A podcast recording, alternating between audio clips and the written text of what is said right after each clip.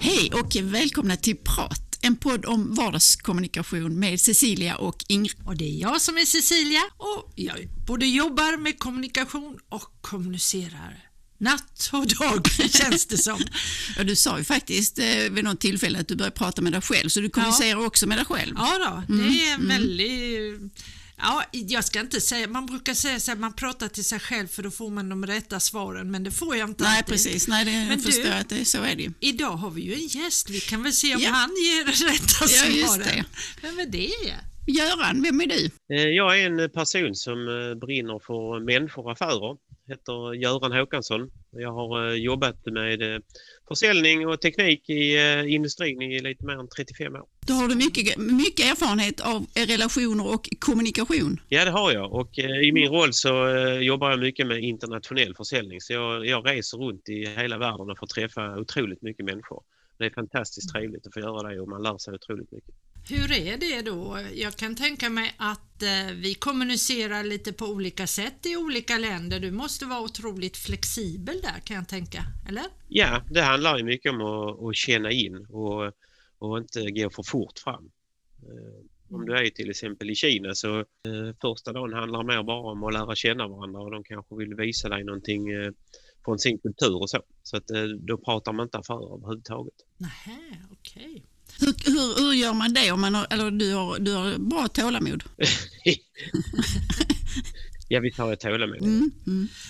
Men, men det gäller ju också att ha planerat in för vi är, kan ju vara ganska vad heter det, effektiva så här vi svenskar. Nu bokar vi in ett möte mellan 13 och 13.45 och, och då ska allting hända. Så kan man kanske inte göra i Kina då eller? Nej, men eh, man får ha någon slags agenda med sig vad man har tänkt man ska prata om. Och mm. sen, eh, sen är man ju gäst. Eh, så att de, de kommer och hämtar en flygplatsen. Man möter dem, man får följa liksom den tidsschemat de ska ha. Sen helt plötsligt så bryts det för lunch och då kommer det in en massa nya människor som man ska börja prata med. De kanske borta och äter lunch i, i två och en halv timme innan man kommer tillbaka igen. Aha, ja, ja. Mm. Ja. Berätta något mer så som du tycker har varit speciellt i, i din kommunikation med andra, andra, eh, vad heter det? andra Kultur. länder. Ja, andra kulturer. Ja, precis. Om du, för du reser då i Asien, men du reser i fler länder. Ja, jag har varit i eh, Sydamerika och Förenade Arabemiraten och rätt mycket i Europa också. Ja. Ta något speciellt från som hänt i Sydamerika. Hur är det att kommunicera där? För då är, då är de eh, kontakterna du har där, är det kunder eller är det samarbetspartners? Eller? Det är återförsäljare som vi har i, i Sydamerika. Ja, okej. Okay. Mm. Mm. De är ganska enkla att ha att göra med tycker jag. Det, och det är mm. eh, väldigt liknande i Kina att eh, du kommer dit som gäst, de vill prata mycket om ditt privatliv och utanför jobbet och veta en väldig massa så runt omkring dig själv. Och då gäller det att ställa mm. rätt mycket frågor till dem också om eh, vem de är och, och visa intresse för det. Mm. Eh, sen kommer man till sin plan och sin agenda och då är det ofta mer liksom att man kommer i något formellt möte och så. Mm.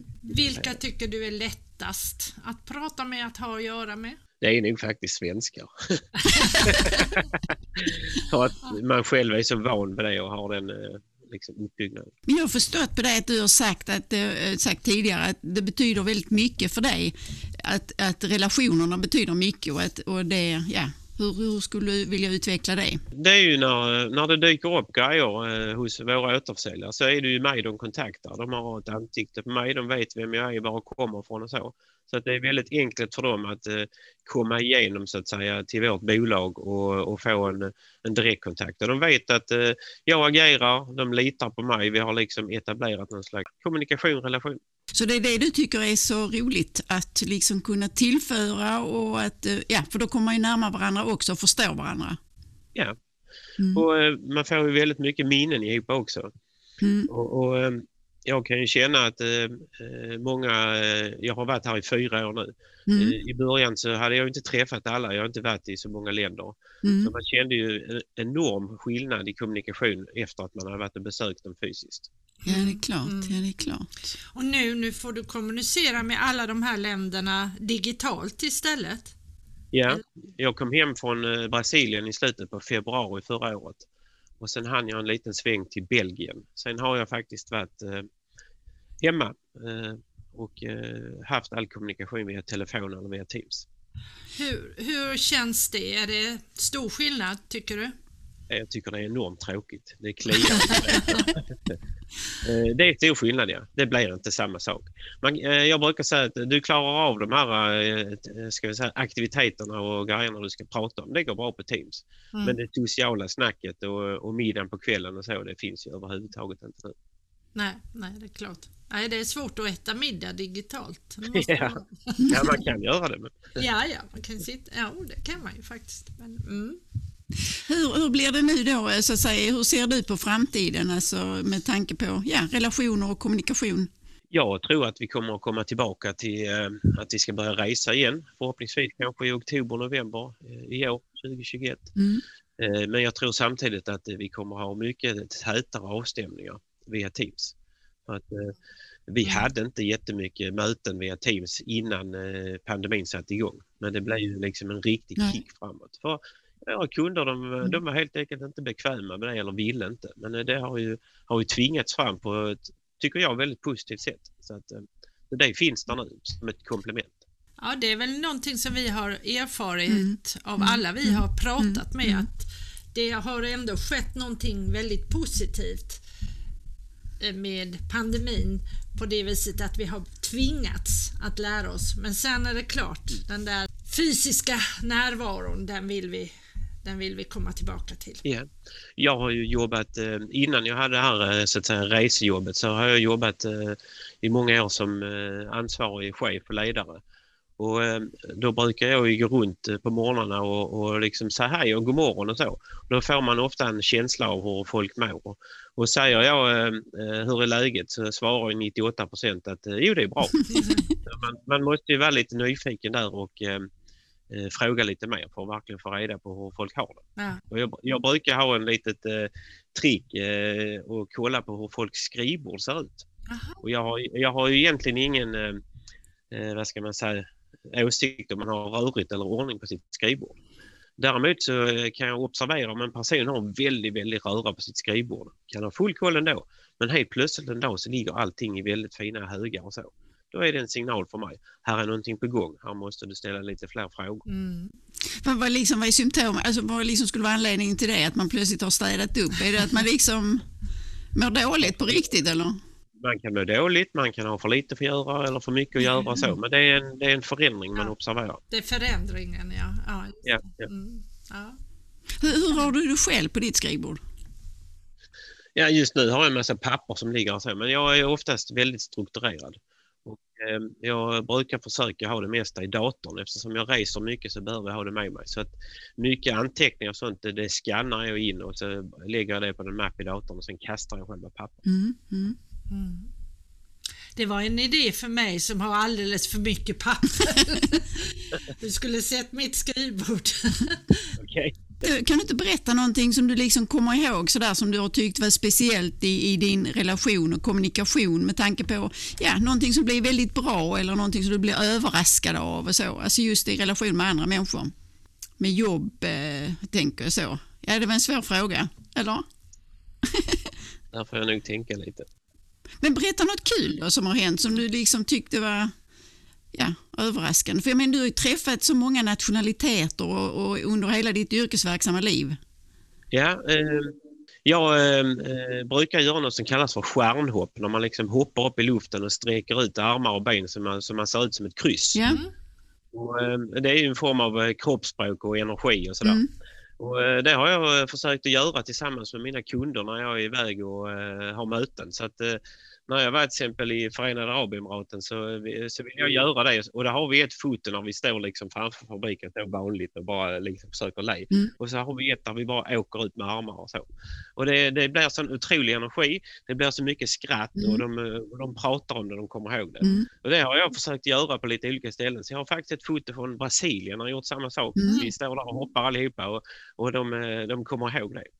Så det är bryta isen, göra någonting annorlunda och något som liksom skapar energi. Ja. Men det är ingenting liksom du gör vid första träffen utan det har gått en stund då eller? Ja, det brukar mm. vara mot slutet. Jag brukar vilja ha ett foto Jaha, framför som... deras mm. fabrik eh, mm. tillsammans med dem jag har träffat. Mm. Så, för att visa. Mm. mm. Vad, är, vad är, tycker du är utmaningen i allmänhet när det gäller eh, kommunikation? Det är ju att eh, få igång ett bra eh, samtalsklimat eh, så att man kan eh, börja lita på varandra. Jag, jag försöker ju att jobba mycket med frågor som inte du kan besvara med ja eller nej. Det är ju klassikern. Kompisarna, eh, vad, vem, hur och när. Mm. Och ofta så blir det ganska bra om man kommer igång och snackar och. Så, så eh, genom att eh, köra det så bygger du på något vis eh, trust, förtroende. Mm. Har du varit med om någon form av eh, alltså, sånt där riktigt klavertramp? Eh, om du har träffat, kommit till en ny kultur och, och du kanske har tänkt att så här och så blir det helt galet. Nej, faktiskt inte. Det har jag inte. Inte ens i början av din karriär. Eh, Jag har jobbat fem år i Danmark. Så möjligtvis när jag var där så sågs jag som en lite udda fågel. För att jag hade lite beteenden som eh, inte kanske normalt eh, när man jobbar i Danmark. Eh, samma där, jag gick runt på morgonen och hälsade så jag satt inte gömde mig på mitt hyrkontor. Jag kan lägga till att jag jobbade som VD för ett dotterbolag i Danmark. Och det var ju en speciell parkeringsplats på framsidan som, som var avsedd för mig. Så jag, den, den kan ni skylta om till kunder för att jag parkerar där ni parkerar. Och det, det, var liksom eh, väldiga eh, konstigheter i det kulturella då kan man säga. Mm. Ja.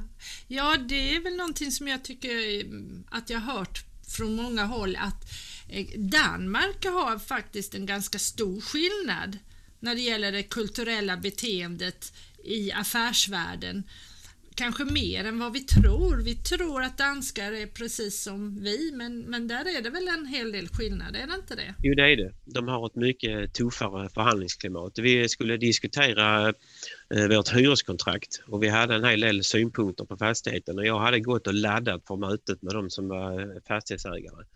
Mm. Och eh, jag tyckte jag spelade ut över vad jag egentligen skulle och, och kände mig nästan lite obekväm att nu är du otroligt gåpågörande. Mm.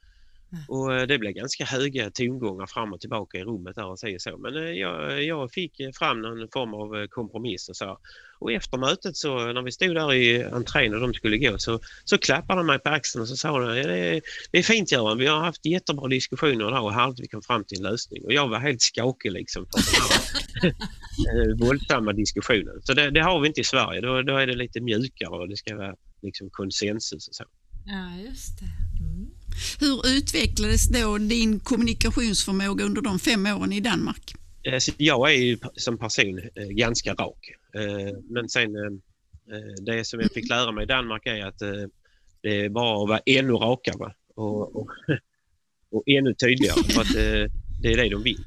Och, man kan säga att i Danmark så kan du besluta en grej på fredagen bara för att det ska fram ett beslut och det är snabbt och det är bråttom och det ska ske någonting.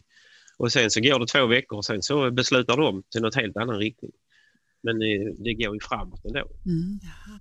De som har läst fysik vet ju det här med pilar och krafter. Om man ska gå från A till B i Sverige så pratar vi jättelänge och sen helt plötsligt bestämmer oss nu går vi. Och då går vi från A till B. I Danmark bestämmer man sig dag ett, nu kör vi. Mm. Man går inte rakt mot B men man går en krok och sen så kör man lite annan väg och sen en annan väg. Så man kommer till samma mål ändå fast det är lite olika metoder. Men, men kan inte det vara ganska frustrerande, i alla fall innan man hittar, eh, hittar den balansen? Jo, visst är det Nej, det var en, en, en utmanande och kämpig tid där. Men eh, otroligt eh, kul. Jag skulle absolut inte vilja vara utan den kan jag säga.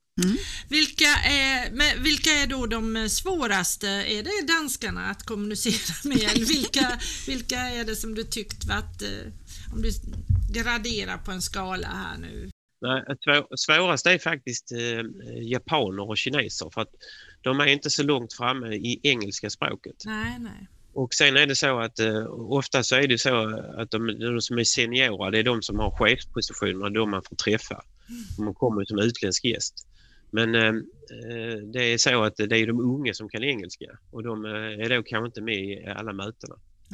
Så, så därför är det ganska komplicerat med, med Kina och Japan. Mhm. När jag, när jag var i eh, Japan senast så skulle jag hålla en presentation om företaget för eh, jag tror de var 15 stycken japaner. det var väl någon få som kunde engelska av dem. Så då hade de fixat en ung kille som var tolk för mig. Så jag, så jag hade min presentation och så sa jag mitt budskap och sen var jag tyst ett tag och sen så hörde jag att han sa någonting som inte jag förstod. och sen så nickade de och och så och sen så var det tillbaka till mig. Så det blev en rätt så Mm. omständig procedur att presentera. Mm. Men det var kul. Ja. Ja, eh, man förstår, du gillar det här med utmaningar.